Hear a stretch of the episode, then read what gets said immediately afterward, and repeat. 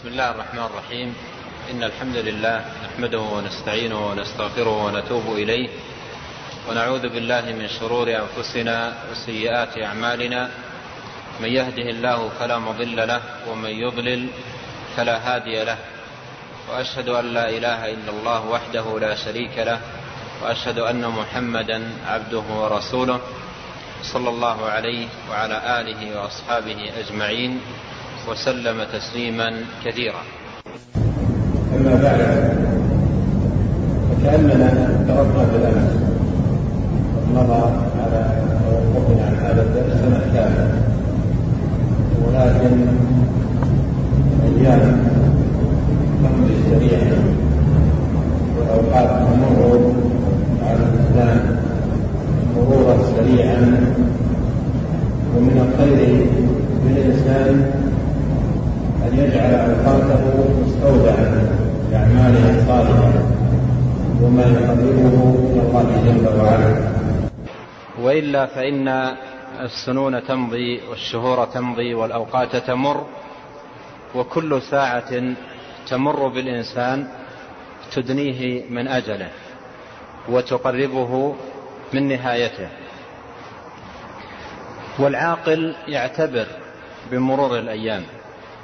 وسرعة انقضائها وتصرمها ليجاهد نفسه في العمل بطاعة الله جل وعلا وليتدارك ما كان عنده من نقص أو خطأ أو تقصير. ونسأل الله جل وعلا أن يلهم أن يلهمنا جميعا رشد أنفسنا وأن يهدينا سواء السبيل.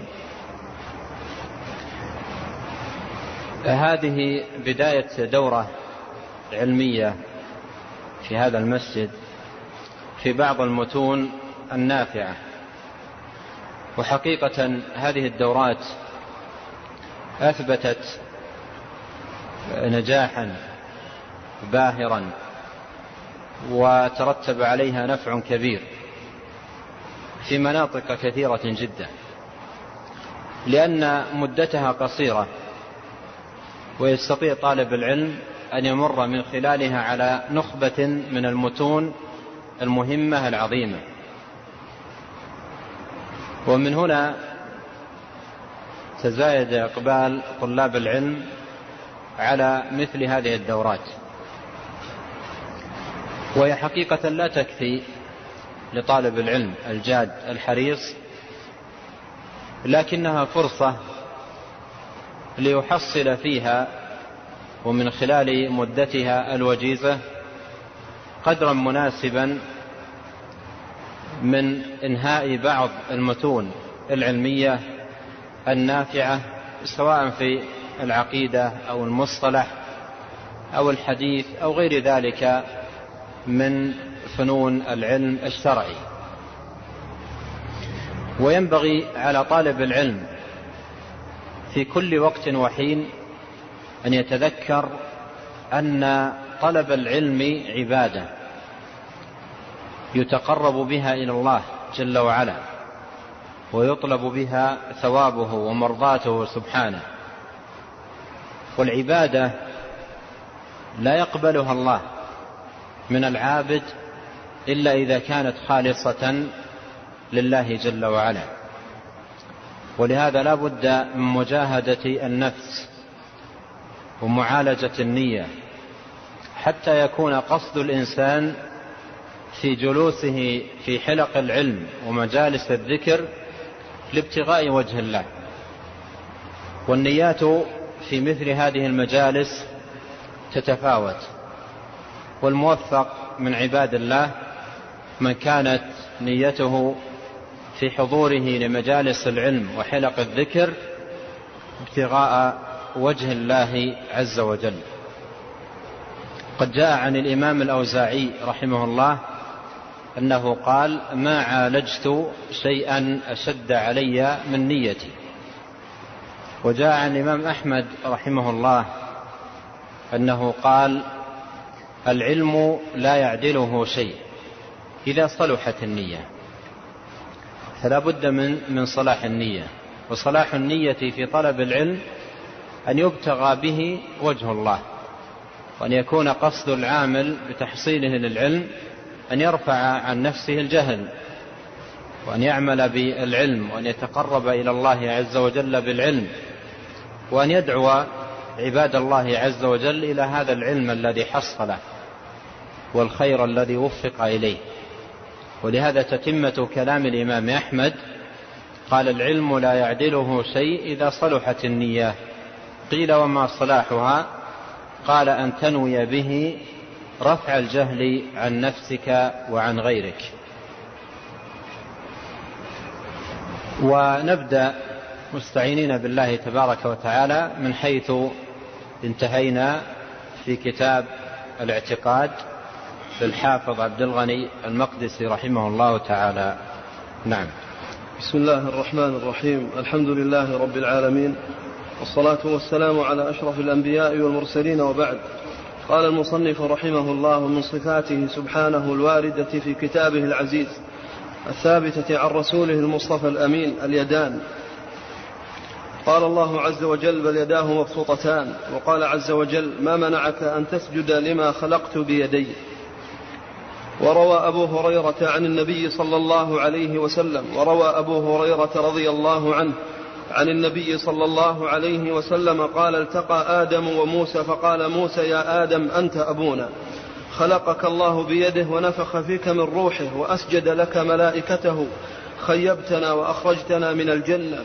فقال آدم أنت موسى كلمك الله تكليما وخط لك التوراة بيده واصطفاك برسالته فبكم وجدت في كتاب الله عصى آدم ربه فغوى. قال بأربعين سنة قال فتلومني على أمر قدره الله علي قبل أن يخلقني بأربعين سنة. قال النبي صلى الله عليه وسلم فحج آدم موسى. فلا نقول يد كيد ولا نكيف ولا نشبه ولا نتأول اليدين على القدرتين كما يقول أهل التعطيل والتأويل. بل نؤمن بذلك بل نؤمن بذلك ونثبت له الصفة من غير تحديد ولا تشبيه. ولا يصح حمل اليدين على القدرتين فإن قدرة الله عز وجل واحدة. ولا على النعمتين فإن نعم الله عز وجل لا تحصى. كما قال عز وجل وإن تعدوا نعمة الله لا تحصوها. نعم. المصنف رحمه الله سبق أن ذكر في صدر هذه الرسالة العظيمة منهج أهل السنة والجماعة في الصفات عموما وأنهم يمرونها كما جاءت ويؤمنون بها كما وردت دون تحريف أو تمثيل أو تعطيل أو تأويل. وذكر أيضا أن منهجهم في إثبات الصفات. قائم على إثبات ما ثبت في الكتاب والسنة ونفي ما نفي في الكتاب والسنة دون تجاوز لما جاء فيهما. كما جاء عن الإمام أحمد رحمه الله أنه قال نصف الله بما وصف به نفسه وبما وصفه به رسوله صلى الله عليه وسلم لا نتجاوز القرآن والحديث. لما ذكر رحمه الله منهج أهل السنة والجماعة عموما أخذ بذكر أنواع من صفات الله جل وعلا. وسبق أن مر معنا صفة العلو والنزول والوجه. وبدأ هنا بالكلام على صفة اليدين لله جل وعلا. والطريقة في إثبات الصفات واحدة. والمنهج واحد. الاعتماد على الكتاب والسنة. والتعويل عليهما. وإثبات ما ثبت فيهما. وهذا أساس باب الصفات عند أهل السنة والجماعة التعويل الكامل والإيمان التام بما جاء في الكتاب والسنة. ولما كان هذا أصل الأصول الذي هو الاعتماد على الكتاب والسنة أصل الأصول وأساس العلم والإيمان لما كان شأنه كذلك اقتضى المقام في مثل هذا المختصر وكذلك في المطولات التي تكتب في الاعتقاد أن يؤكد على هذا الأمر في أكثر من مناسبة. ولهذا تلاحظون المصنف رحمه الله لما ذكر صفة اليدين قال ومن صفاته سبحانه الواردة في كتابه العزيز الثابتة عن رسوله المصطفى الأمين. هذا المعنى سبق أن قرره وأكد عليه. سبق أن قرره وأكد عليه. أن المنهج عند أهل السنة والجماعة في الصفات هو الاعتماد على ما جاء في الكتاب والسنة. لا يثبتون صفة من قبل أنفسهم دون تعويل على كتاب الله وسنة رسوله عليه الصلاة والسلام. وكان يكفي ما قرره في صدر الرسالة في بيان المنهج. لكن لما كان هذا المقام مقاما عظيما وأصلا متينا وأساسا لا بد منه في جميع الصفات اقتضى ذلك أن يؤكد عليه حتى يستقر في النفوس ويتمكن في القلوب وحتى لما يحفظ طالب العلم مثل هذا المختصر أو يمر عليه يستقر في نفسه تمام الاستقرار أن إثبات الصفات على وجه التفصيل هو منبني على الأصل العام الكلي في جميع الصفات وهي أن العمدة فيها على ما جاء في كتاب الله وسنة رسوله صلى الله عليه وسلم. ولما كان أهل البدع يخوضون في مثل هذه الصفات إجمالا وتفصيلا بعقولهم القاصرة وأفهامهم الرديئة كان من المناسب أيضا عند أهل السنة والجماعة أن يؤكدوا على قضية الاعتماد التام والتعويل الكامل على صفات الله سبحانه وتعالى وأن يعتمد فيها اعتمادا كليا على ما جاء في الكتاب والسنة. وإذا تكرار هذا الأصل مع أنه سبق تقريره فيه فائدة عظيمة بل فيه فوائد كثيرة كما سبقت الإشارة إلى شيء من ذلك. قال ومن صفاته سبحانه الواردة في كتابه العزيز الثابتة عن رسوله المصطفى الأمين اليدان. واليدان من صفات الله عز وجل الثابتة في الكتاب والسنة. والمصنف رحمه الله لما قرر ثبوت هذه الصفة في الكتاب والسنة ذكر عليها دليلين من القرآن ودليلا من سنة النبي الكريم عليه الصلاة والسلام. واليدان هما من صفات الله عز وجل الذاتية. قد سبق مر معنا أن صفات الله جل وعلا نوعان. ذاتية وهي التي لا تنفك عن الذات ولا تعلق لها بالمشيئة. وصفات فعلية وهي التي لها تعلق بالمشيئة. فاليدان من الصفات الذاتية كالوجه والقدم والساق والعين والعلو وغيرها فهذه كلها صفات ذاتية لله جل وعلا. وأهل السنة منهجهم واحد في صفات الله الذاتية والفعلية ويقولون باب الصفات باب واحد. كل ما ثبت في الكتاب والسنة من صفات الله جل وعلا نثبته كما جاء ونؤمن به كما ورد بلا تعطيل ولا تحريف ولا تكييف ولا تمثيل. واليدان ثابتتان لله عز وجل وهما يدان اثنتان. كما دلت على ذلك نصوص كثيرة في الكتاب والسنة. فالله عز وجل له يدان اثنتان. وقد جاء في بعض النصوص في القرآن والسنة ذكر هذه الصفة بالإفراد. كما في قوله جل وعلا تبارك الذي بيده الملك.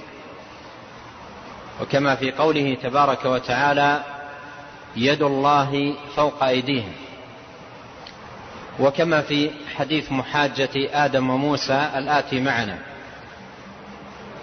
وجاء في بعض النصوص ذكر اليد بالجمع كما في قوله أولم يروا أن خلقنا لهم مما عملت أيدينا أنعاما فهم لها مالكون.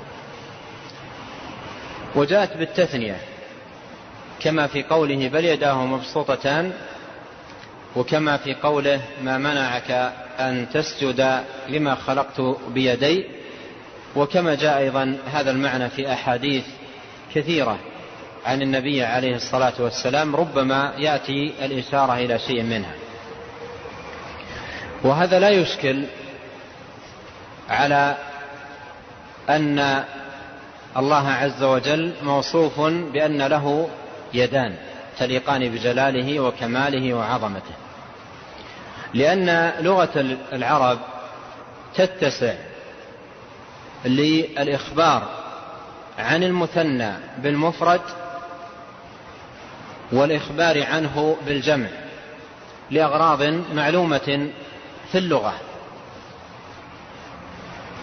ومن ذلك المشاكلة بين المضاف والمضاف إليه. فمثلا قوله تبارك الذي بيده الملك. يد مضاف والهاء الضمير مضاف إليه يده أي الله عز وجل. لما كان المضاف إليه مفردا ناسب أن يكون المضاف مفرد. ولما يكون المضاف إليه جمعا يناسب أن يكون المضاف جمعا كما في قوله مما عملت أيدينا.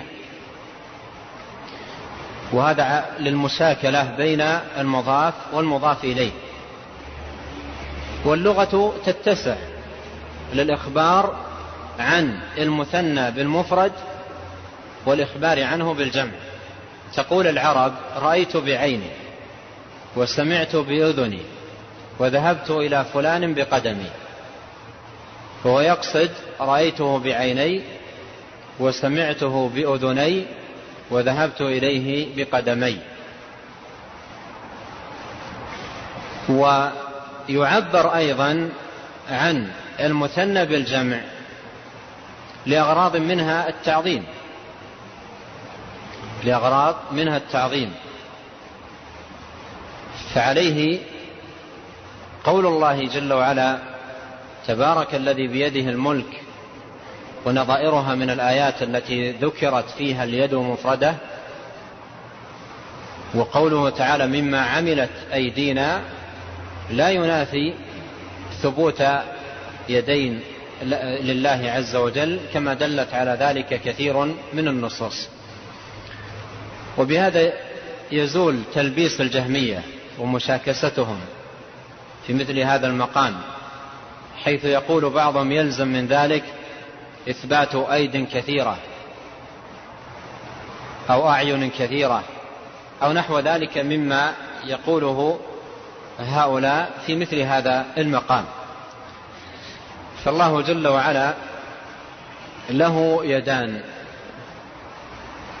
وثبتت ثبتتا في كتابه وسنة رسوله صلى الله عليه وسلم. ويداه عز وجل إحداهما يمين والثانية أخرى. وجاء في رواية في صحيح مسلم تكلم على إسنادها بعض أهل العلم فيها ذكر الشمال شماله. ولكن ثبت آه، وصف إحداهما باليمين والثانية بالأخرى كما في الحديث الصحيح يمين الله ملأى لا يغيضها نفقة سحاء الليل والنهار وبيده الأخرى القسط يخفض ويرفع. وهذا الحديث يدل على أن الله عز وجل له يدان إحداهما يمين والآخرة والأخرى ويد أخرى ليست اليمين. جاء تسميتها بأنها شمال في رواية إن صحت وثبتت يقال عنها إنها الشمال. وما لم وما لم تثبت يقال اليمين والأخرى. وكونه تبارك وتعالى له يمين وأخرى لا يتنافى مع ما ثبت عنه عليه الصلاة والسلام في الحديث الصحيح أنه قال كلتا يدي ربي يمين.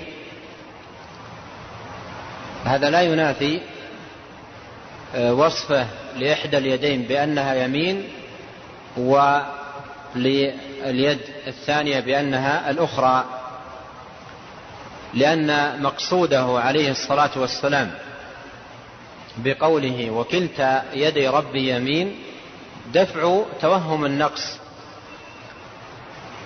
لما يقال يمين وأخرى أو يمين وشمال قد يتوهم البعض أن الأخرى أنقص في البدل وفي العطاء وفي القوة ونحو ذلك.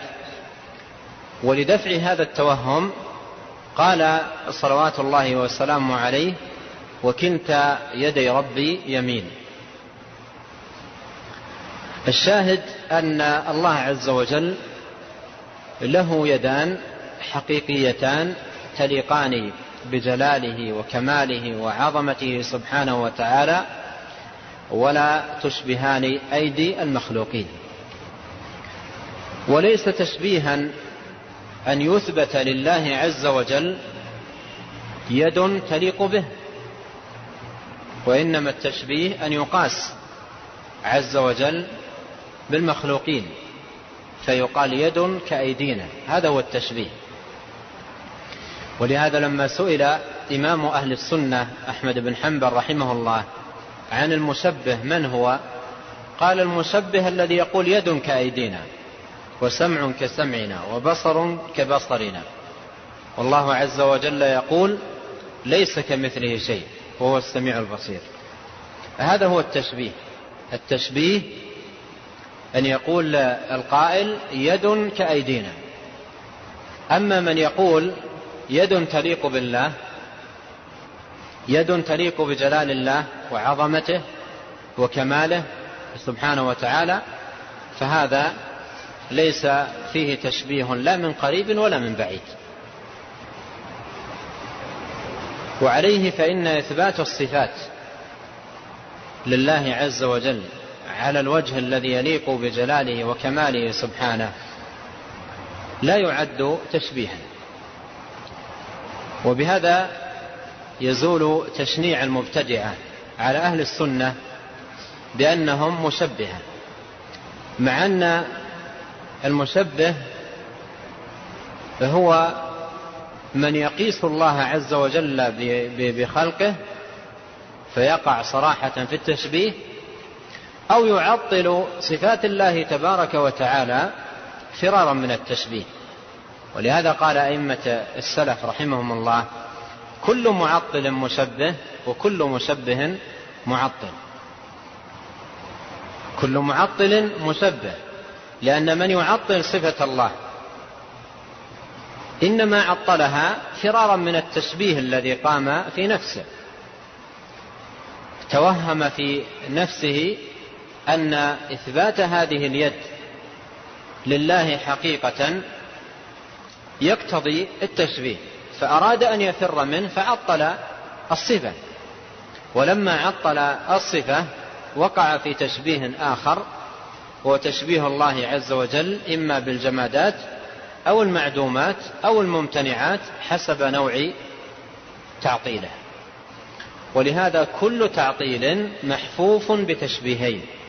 كل تعطيل محفوف بتشبيهين. تشبيه قبل التعطيل وتشبيه بعد التعطيل. وكل مشبه معطل من يأتي إلى اليد هنا. يد الله فوق أيديهم.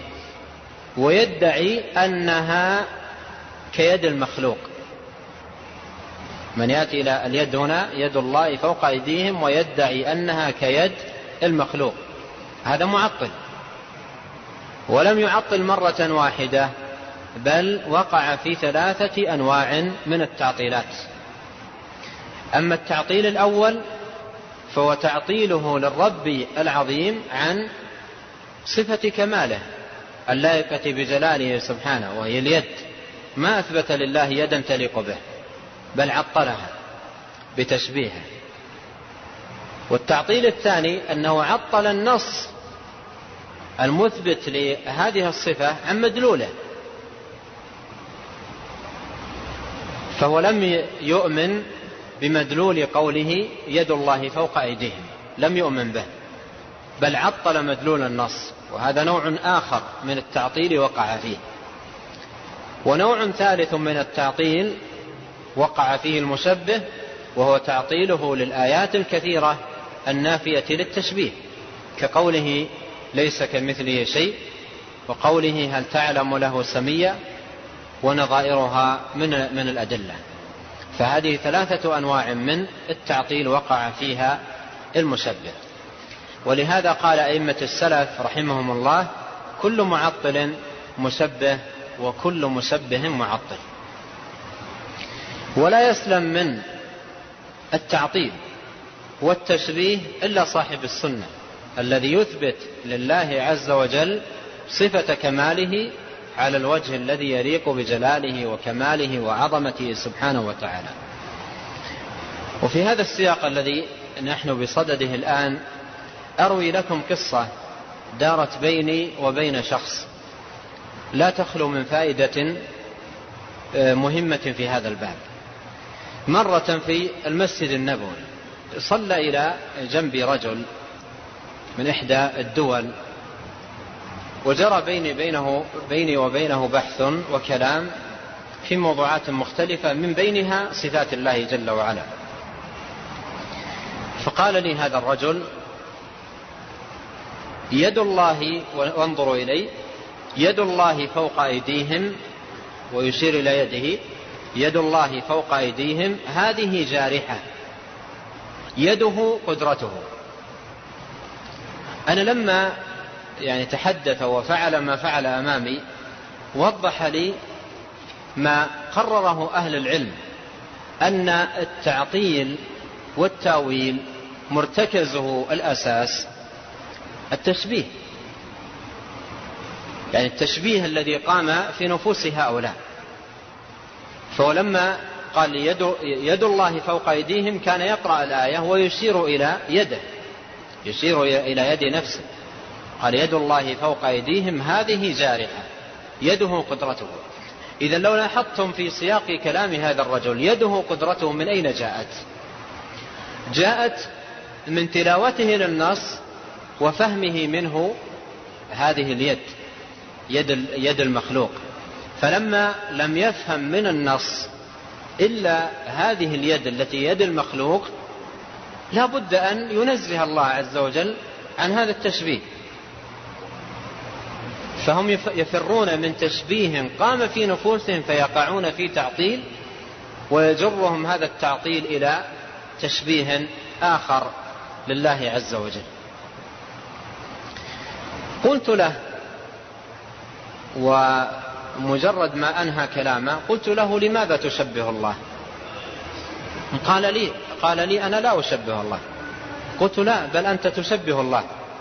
أنت تقرأ الآية وتشير إلى يد نفسك. هذا عين التشبيه.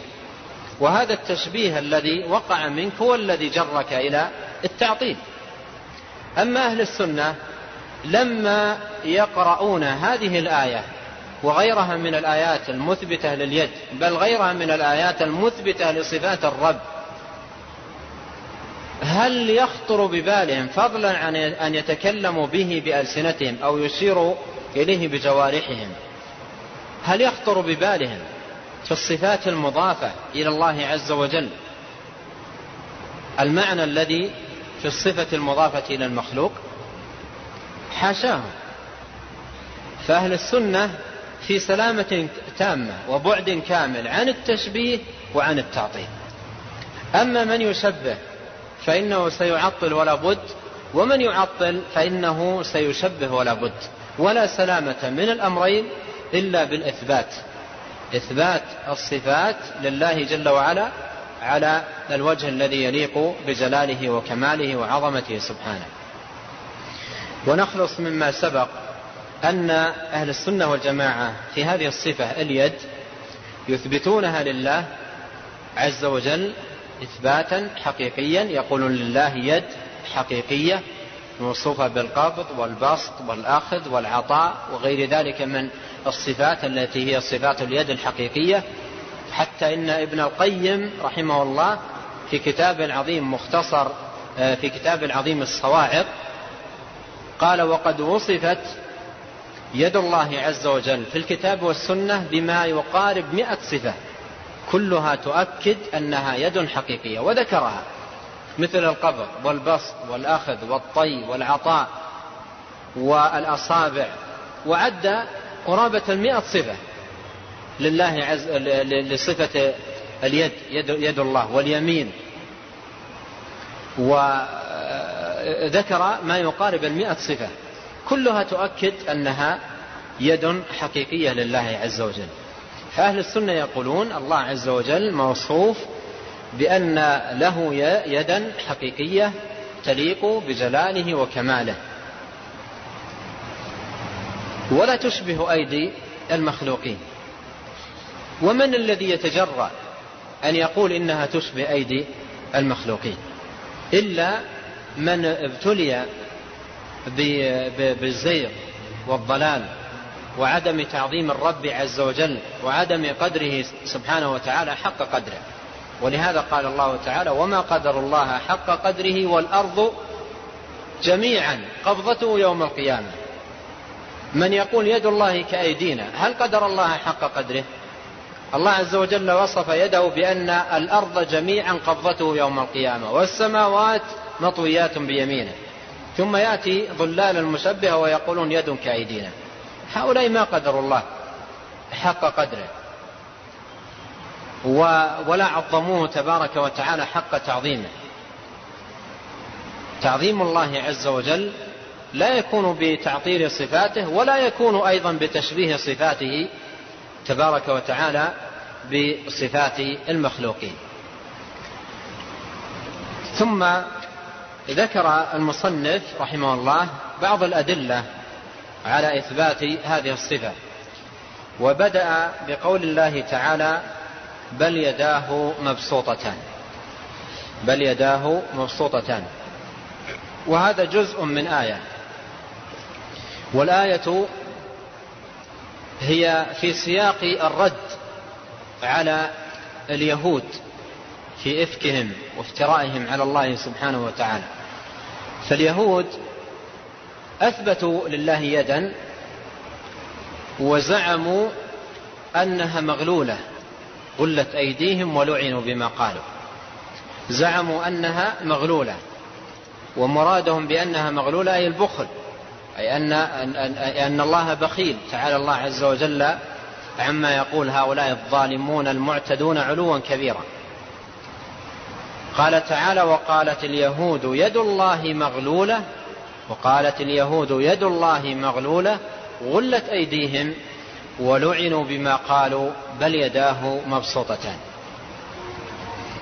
وهذا الذي ذكره الله عنهم هو من جملة مخازي كثيرة لهؤلاء اليهود وقبائح وشنائع وضلالات كثيرة بسط الله عز وجل كثيرا منها في القرآن وبين حال هؤلاء أو حال هذه الأمة الغضبية الملعونة. فمن قبائح هؤلاء ادعاؤهم أن يد الله مغلولة وقالت اليهود يد الله مغلولة. لو تلاحظون السياق هنا السياق يدل على أن اليهود يثبتون يد لله ولكنهم يصفون يد الله بأنها مغلولة أي يقصدون البخل. وصف الله عز وجل بالبخل تعالى الله عما يقولون.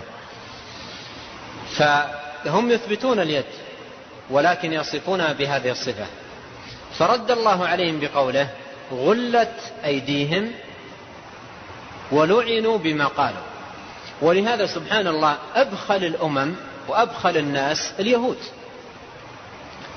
أبخل الناس اليهود ويضرب بهم المثل في البخل ولا يعرف بالبخل مثل اليهود. لا يبخل على الناس يبخل على نفسه وعلى أهل بيته ويضرب بهم المثل في شدة البخل. فهذا الذي هو وصفهم هم الذي لا ينفك عنهم في كل وقت وصفوه أو جعلوه وصفا للرب العظيم الذي يمينه ملأى لا يغيضها نفقة سحاء الليل والنهار. وهذا يبين لنا شناعة هؤلاء. وشدة قبحهم وعظم افترائهم على الله عز وجل. غلت أيديهم ولعنوا بما قالوا.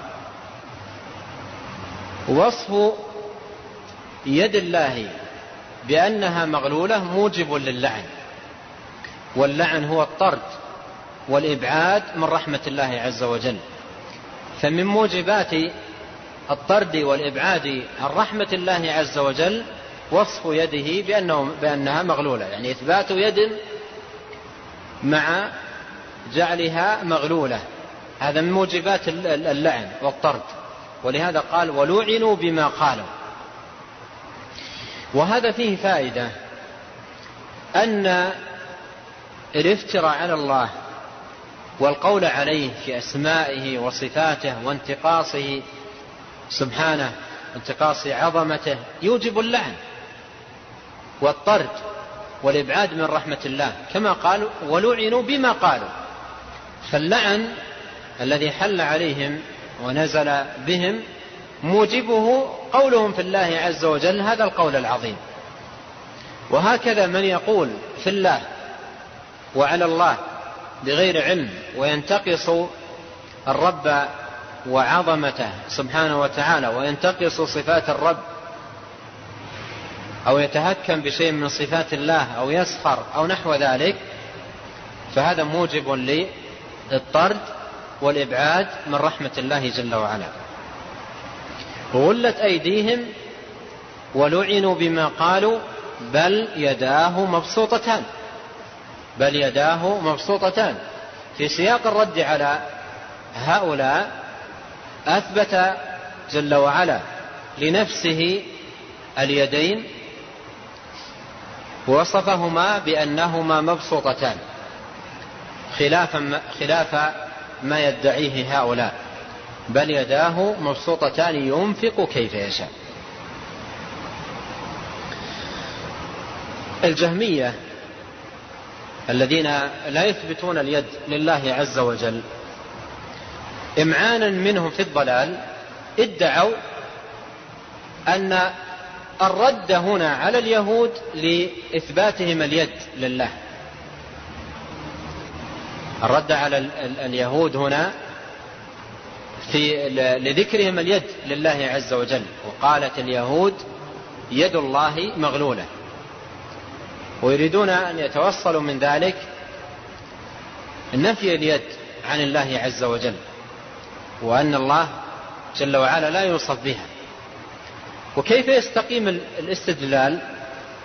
والله عز وجل ما أنكر عليهم إثبات اليد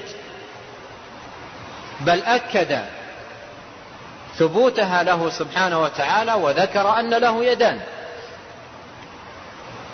أيمكن أن أن يرد على من يصف الله بصفة ليست ثابتة له؟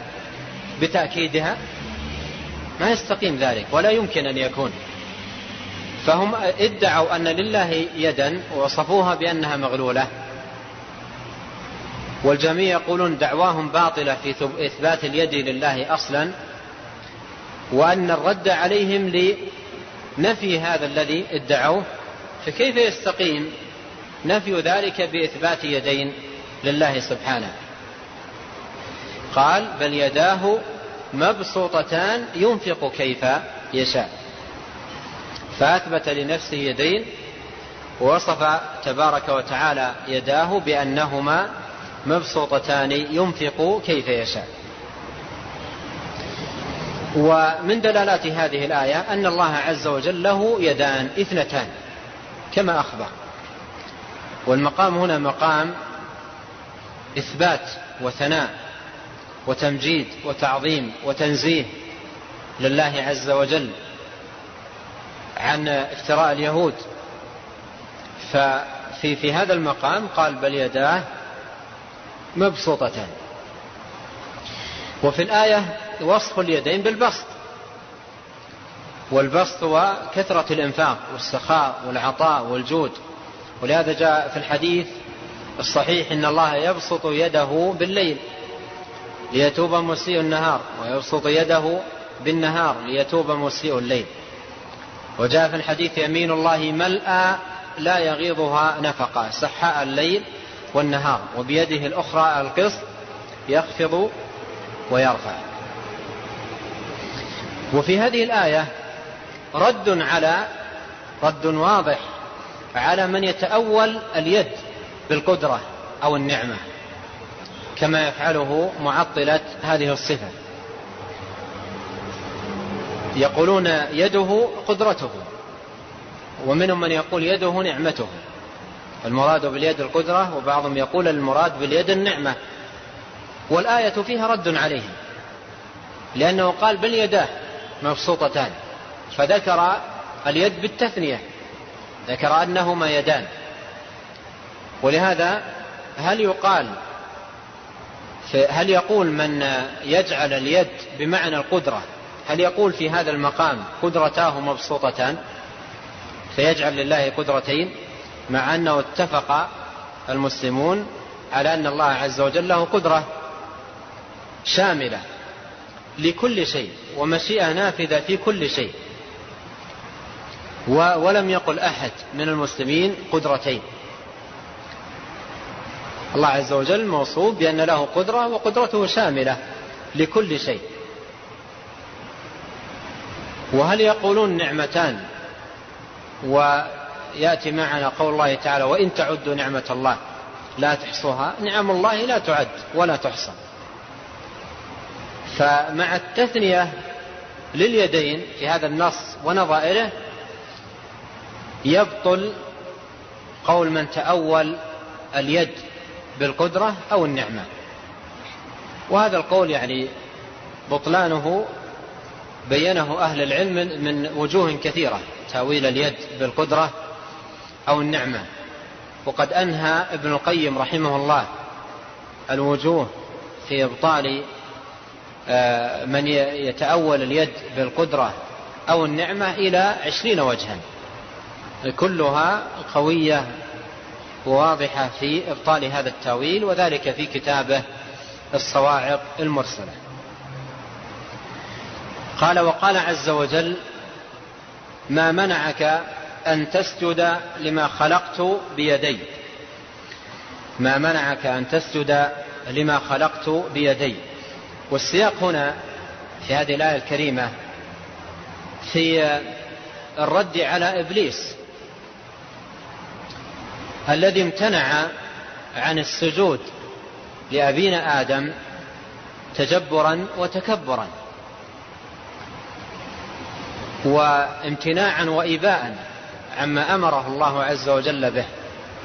فالله أمره وأمر الملائكة أن يسجدوا لآدم فسجدوا إلا إبليس أبى واستكبر.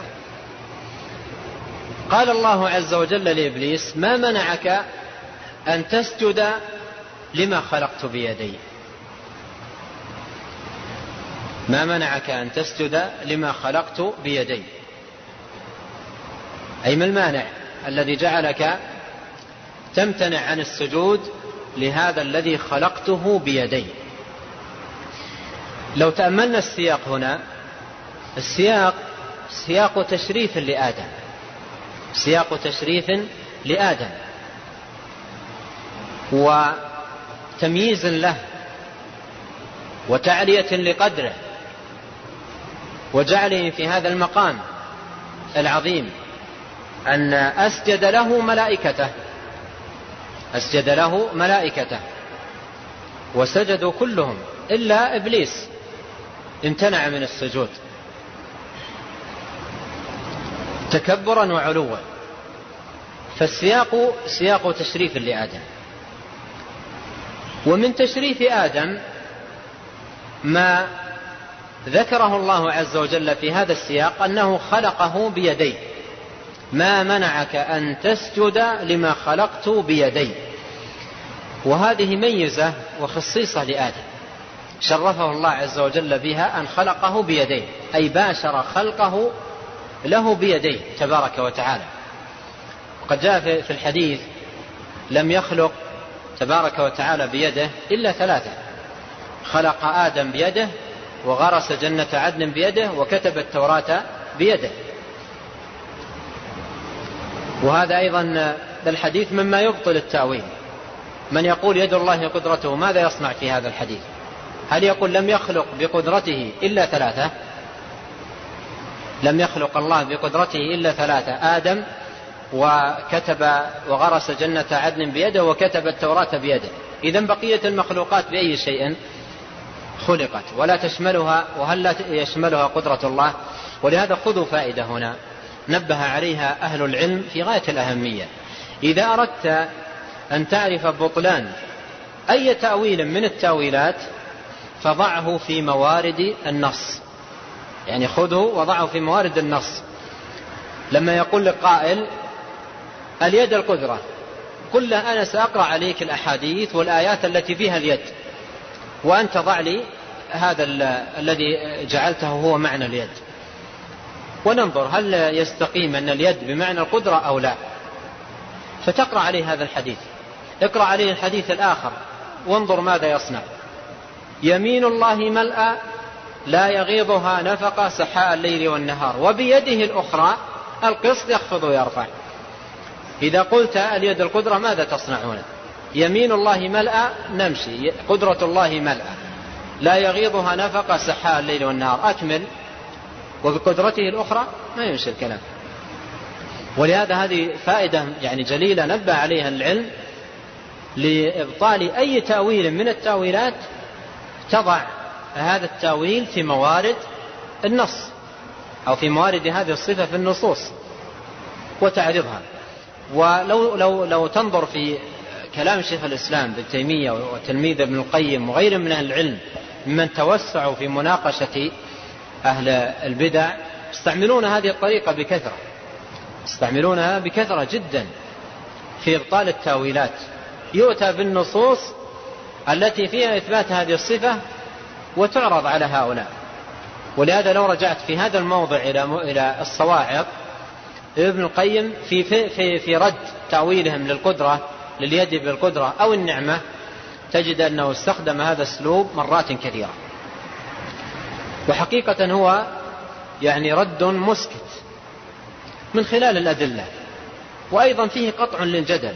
يعني بدل أن تخوض معه في جدل أرح نفسك من ذلك. وقل نقرأ الأحاديث. أنا أقرأ عليك الأحاديث والآيات وأنت أرني كيف يستقيم هذا التاويل. وتمضون في جلستكم في ماذا؟ في تلاوة آيات وقراءة أحاديث. وتنتهي الجلسة بانقطاعه ولا بد لأن ما يمكن أن يضع هذا التاويل في موارد في موارد النص.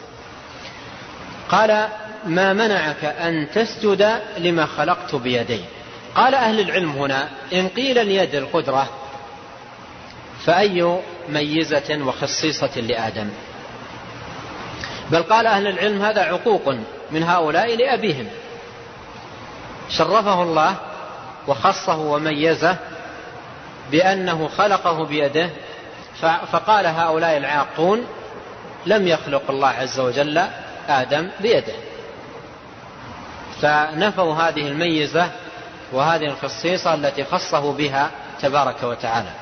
وهذا من العقوق بأبي آه، البشر آدم عليه السلام. آه، تأملوا معي السياق. قال ما منعك أن تسجد لما خلقت بيدي؟ أضاف الخلق إلى نفسه قال خلقت. هذه واحدة. أضاف الخلق إلى نفسه قال خلقت. وثنى اليدين. قال بيدي.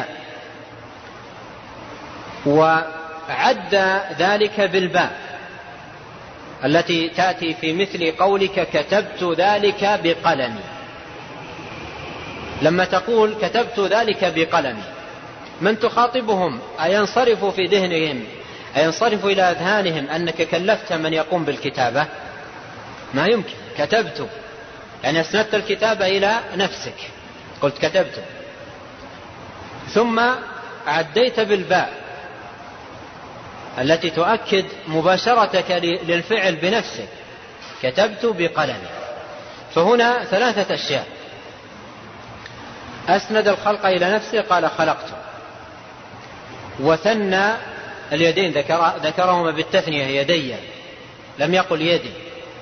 وذكر الباء. وكل ذلك يؤكد أن اليدان ثابتتان لله سبحانه وتعالى.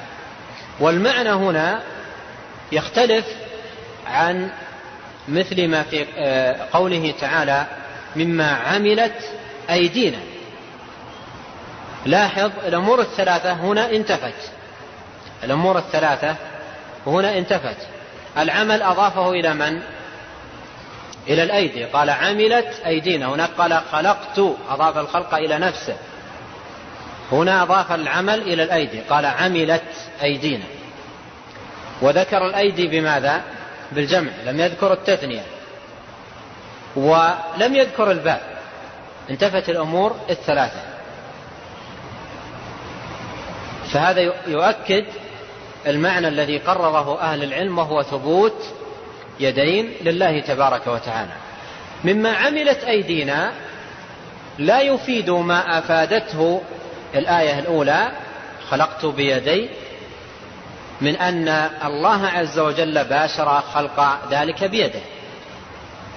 ومن جعل قوله مما خلق ما خلقت بيدي كقوله مما عملت أيدينا فإنه بذلك يجعل خلق آدم وخلق الأنعام سواء كلهم خلقوا بالقدرة وليس هناك تشريف ولا تفضيل لآدم. مما عملت أيدينا أي مما عملنا وخلقنا وأوجدنا وهذا فيه ثبوت اليد لله عز وجل أو اليدين لله عز وجل وسبق في بداية الدرس أن أوضحت أن لا إشكال في التعبير عنهما بالجمع. آه، لكن هنا دلالة الآية ليس كدلالة قوله مما آه، مما خلقت لما خلقت بيدي. فقوله لما خلقت بيدي نص في مباشرة الخلق بيده تبارك وتعالى. وفعله ذلك بيده هو بنفسه سبحانه وتعالى. أما الأنعام فخلقها تبارك وتعالى بقدرته. قال لها كن فكانت. أما آدم شرفه الله وخصه وميزه عن بقية المخلوقات بأن باشر الخلق بيده وهذا واضح في السياق في قوله ما منعك أن تسجد لما خلقت بيدي.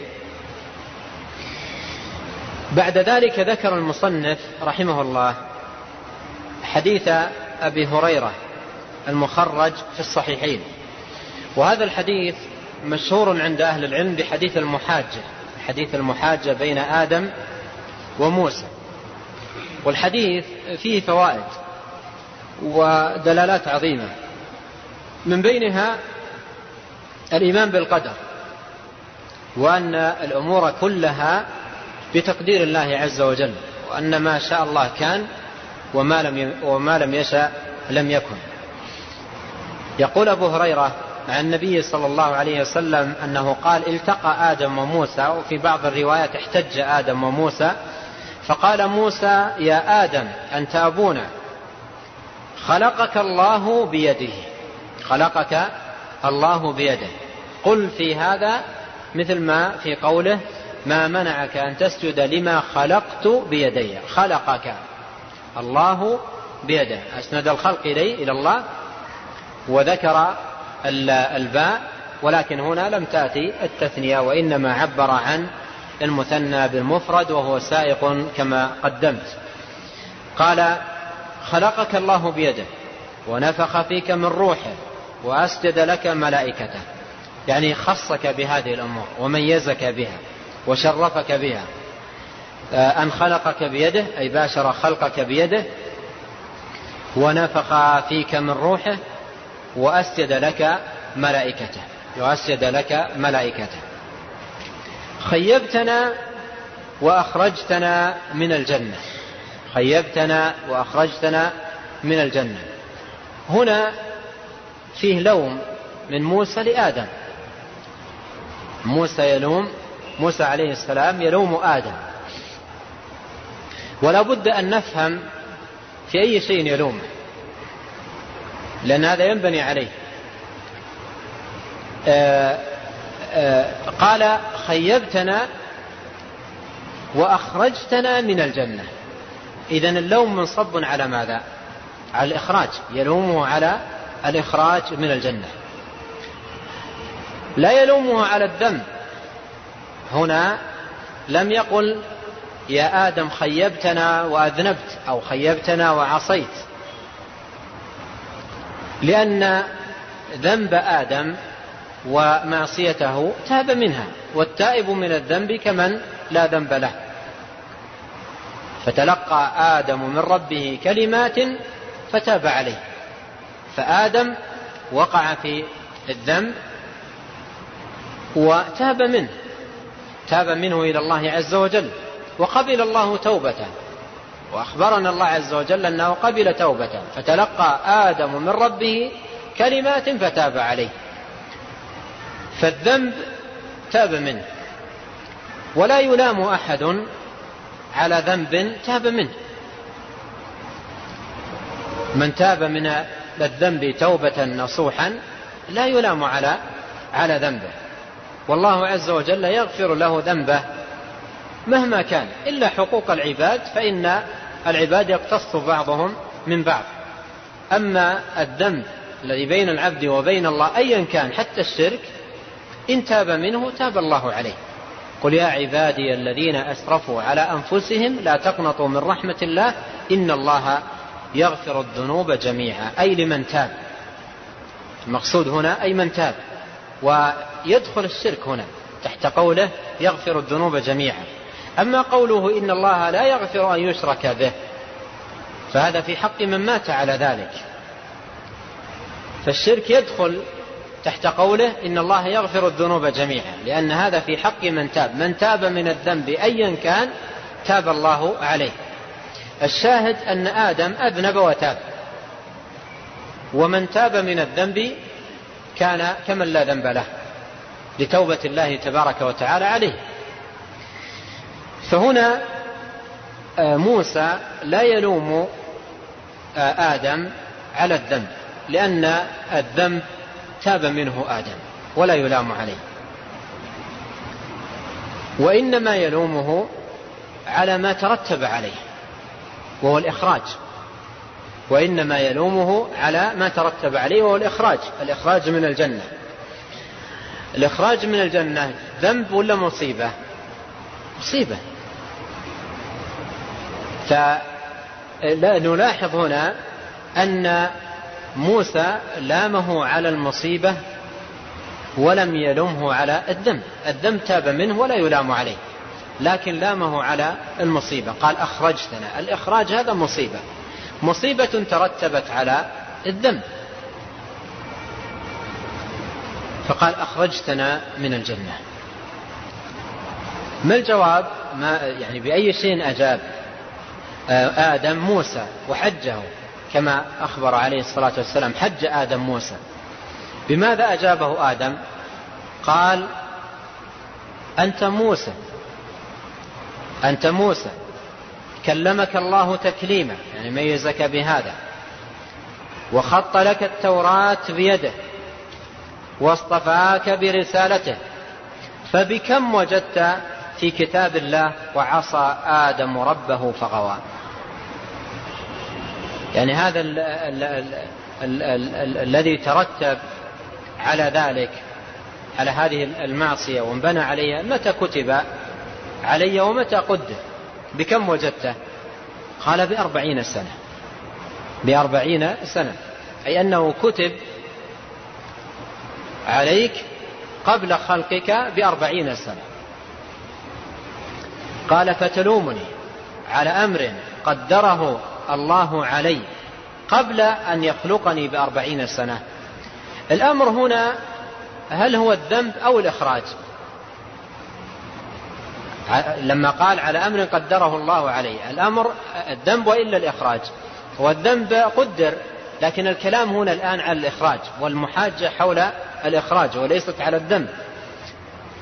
ولهذا قال أتلو أتلومني على أمر قدره الله علي وهو أن أخرج أنا وذريتي من الجنة قبل أن أخلق بأربعين سنة. ولهذا حج آدم موسى. آدم هنا احتج بالقدر. آدم احتج بالقدر وحجته به مقبولة وحج بها موسى. فإن قيل إن آدم احتج بالقدر على الذنب فمعنى ذلك أنه يصح أن يحتج كل أحد بذنبه أو على ذنبه بماذا؟ بالقدر. مثلا لا يصلي ويقول ماذا؟ قضاء وقدر. لا يصوم ويقول قضاء وقدر. يترك الطاعات يرتكب المحرمات يقول قضاء وقدر. وهذا لا يقوله أحد. ولا يصح الاحتجاج بالقدر على المعائب لا يصح الاحتجاج بالقدر على المعائب ويصح الاحتجاج بالقدر على المصائب. المعائب لا يحتج عليها بالقدر يعني ما يقع فيه الإنسان من عيب من خطأ من مخالفة من ذنب. ما يصح أن يحتج عليها بالقدر واحتجاجه عليها بالقدر باطل. كما قدمت يترك الصلاة ويقول ما قدر الله لي. وقال الذين أشركوا لو شاء الله ما أشركنا نحن ولا آباؤنا ولا حرمنا من دونه من شيء. هذا احتجاج بالقدر وبالمشيئة وهذا احتجاج باطل. وهكذا من يحتج على معاصيه وذنوبه وأخطائه بالقدر احتجاجه باطل. أما الاحتجاج على القدر بالمصيبة الاحتجاج على المصيبة بالقدر فهذا صحيح. وأضرب لكم مثالا ذكره أهل العلم. لو أن شخصا قتل آخر خطأ. خطأ. يعني يصلح له جهازا فسقط الجهاز على شخص فمات دون أن يقصد قتله. قتل خطأ. ثم لاموه. قالوا لماذا قتلته؟ وقال والله هذا قضاء وقدر. الكلام هنا مقبول وإلا لا؟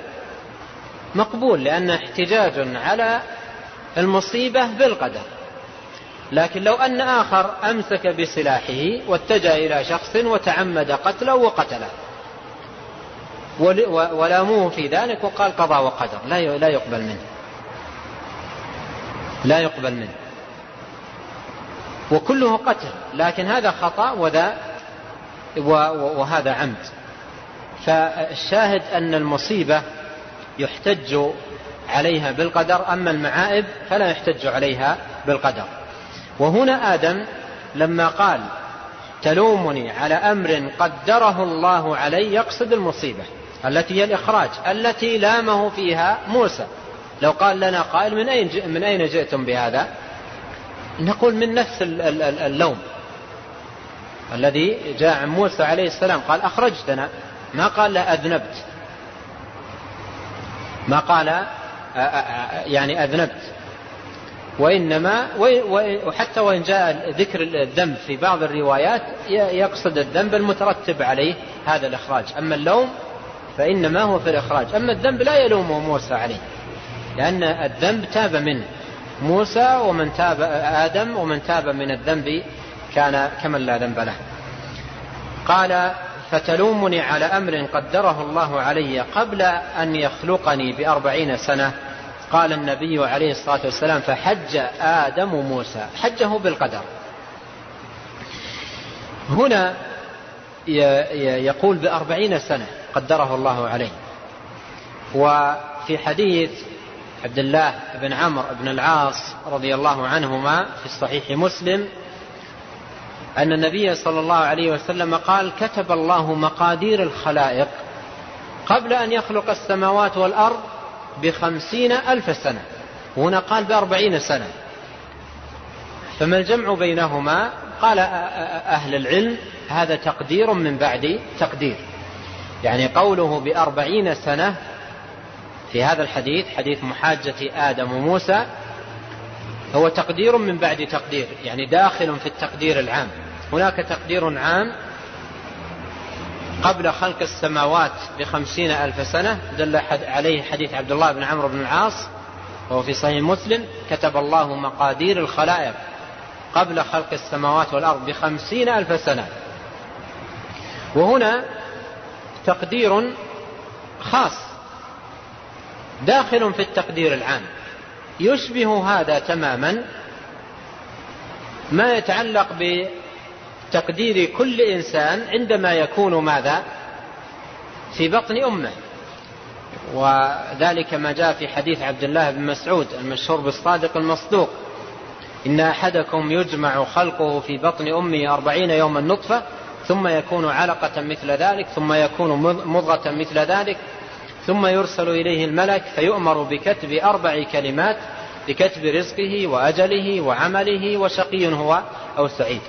هذا تقدير وكتابة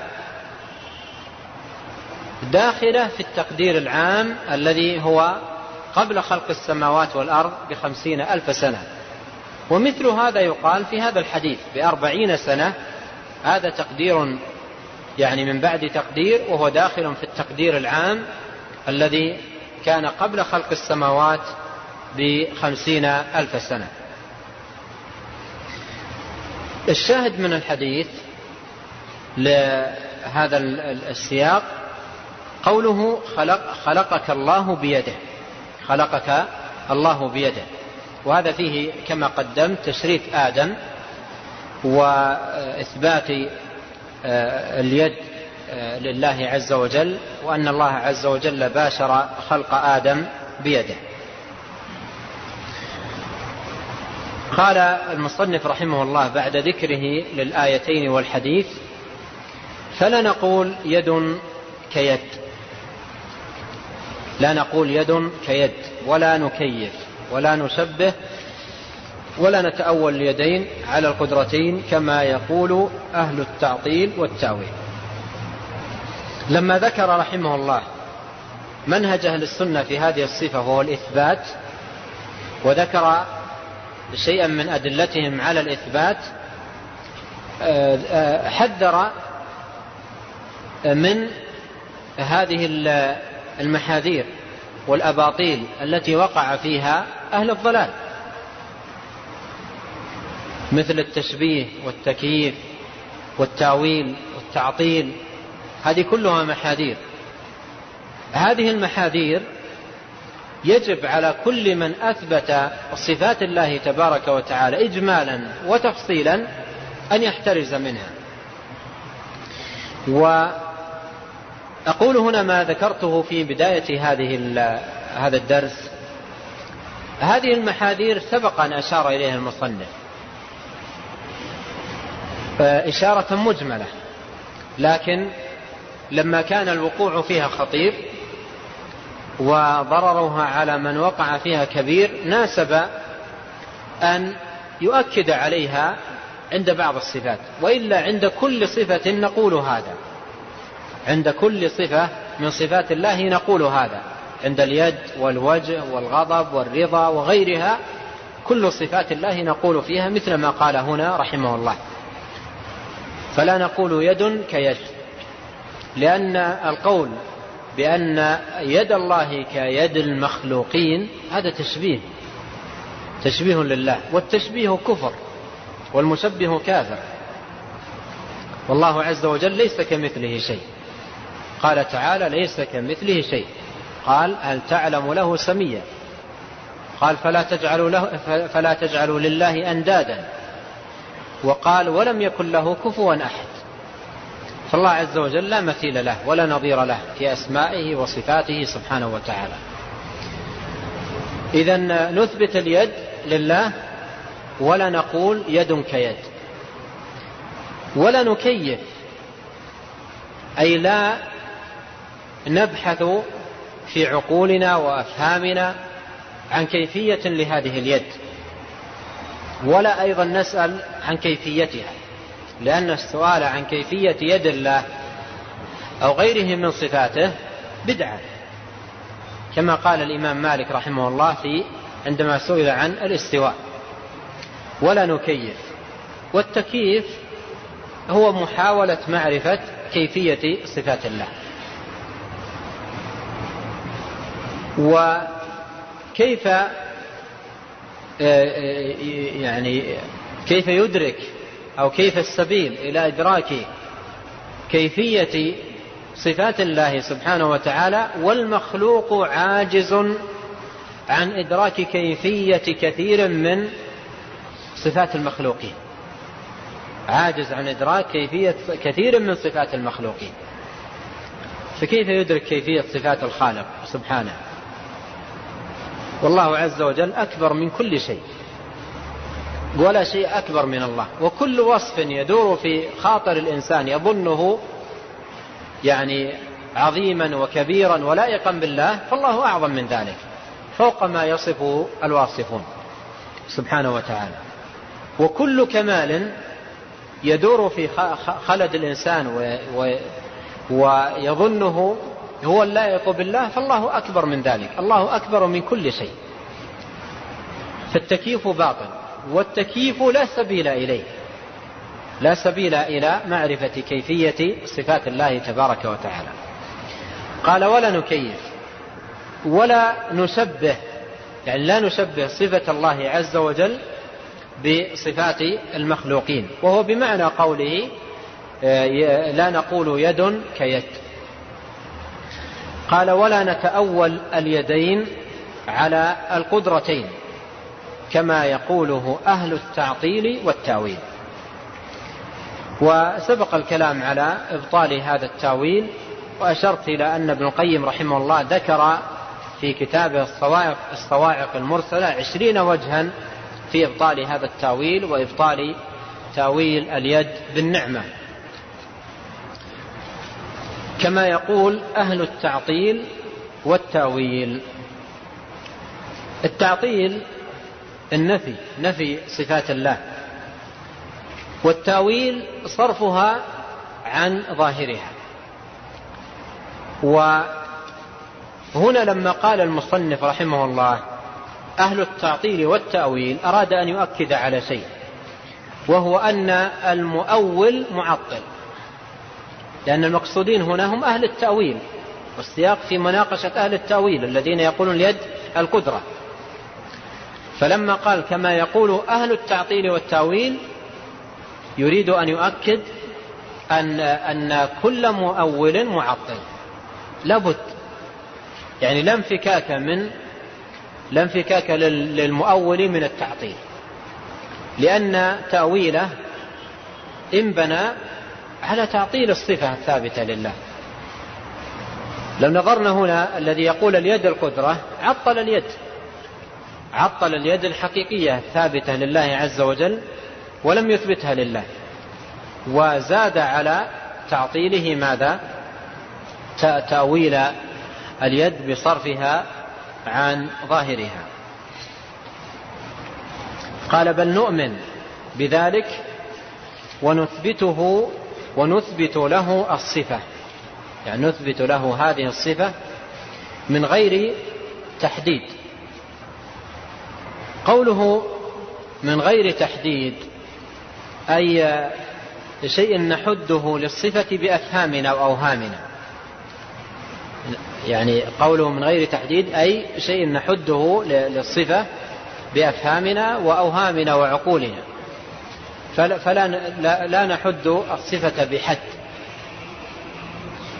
وعليه فمعنى قوله من غير تحديد أي من غير تكييف. يعني من غير محاولة لتكييف هذه الصفة. ولا تشبيه يعني نثبتها لله عز وجل إثباتا حقيقيا يليق بجلال الله وكماله من غير تحديد ولا تشبيه أي من غير تكييف ولا, ولا تشبيه. ولا يصح حمل اليدين على القدرتين. لماذا؟ قال فإن قدرة الله عز وجل واحدة. قدرة الله عز وجل واحدة. فهذا وجه يعني من الوجوه التي رد بها أهل العلم على هذا التأويل وإلا الوجوه كثيرة جدا. ولا على النعمتين. لماذا؟ قال فإن نعم الله عز وجل لا تحصى. كما قال عز وجل وإن تعدوا نعمة الله لا تحصوها. آه ذكر في إبطال تأويل اليد بالقدرة وجها واحدا وفي إبطال تأويل اليد بالنعمة وجها واحدا. وكما قدمت الوجوه في إبطال هذين التأويلين كثيرة ويمكن مطالعتها في كتاب الصواعق المرسلة لابن القيم رحمه الله. والله أعلم وصلى الله وسلم على نبينا محمد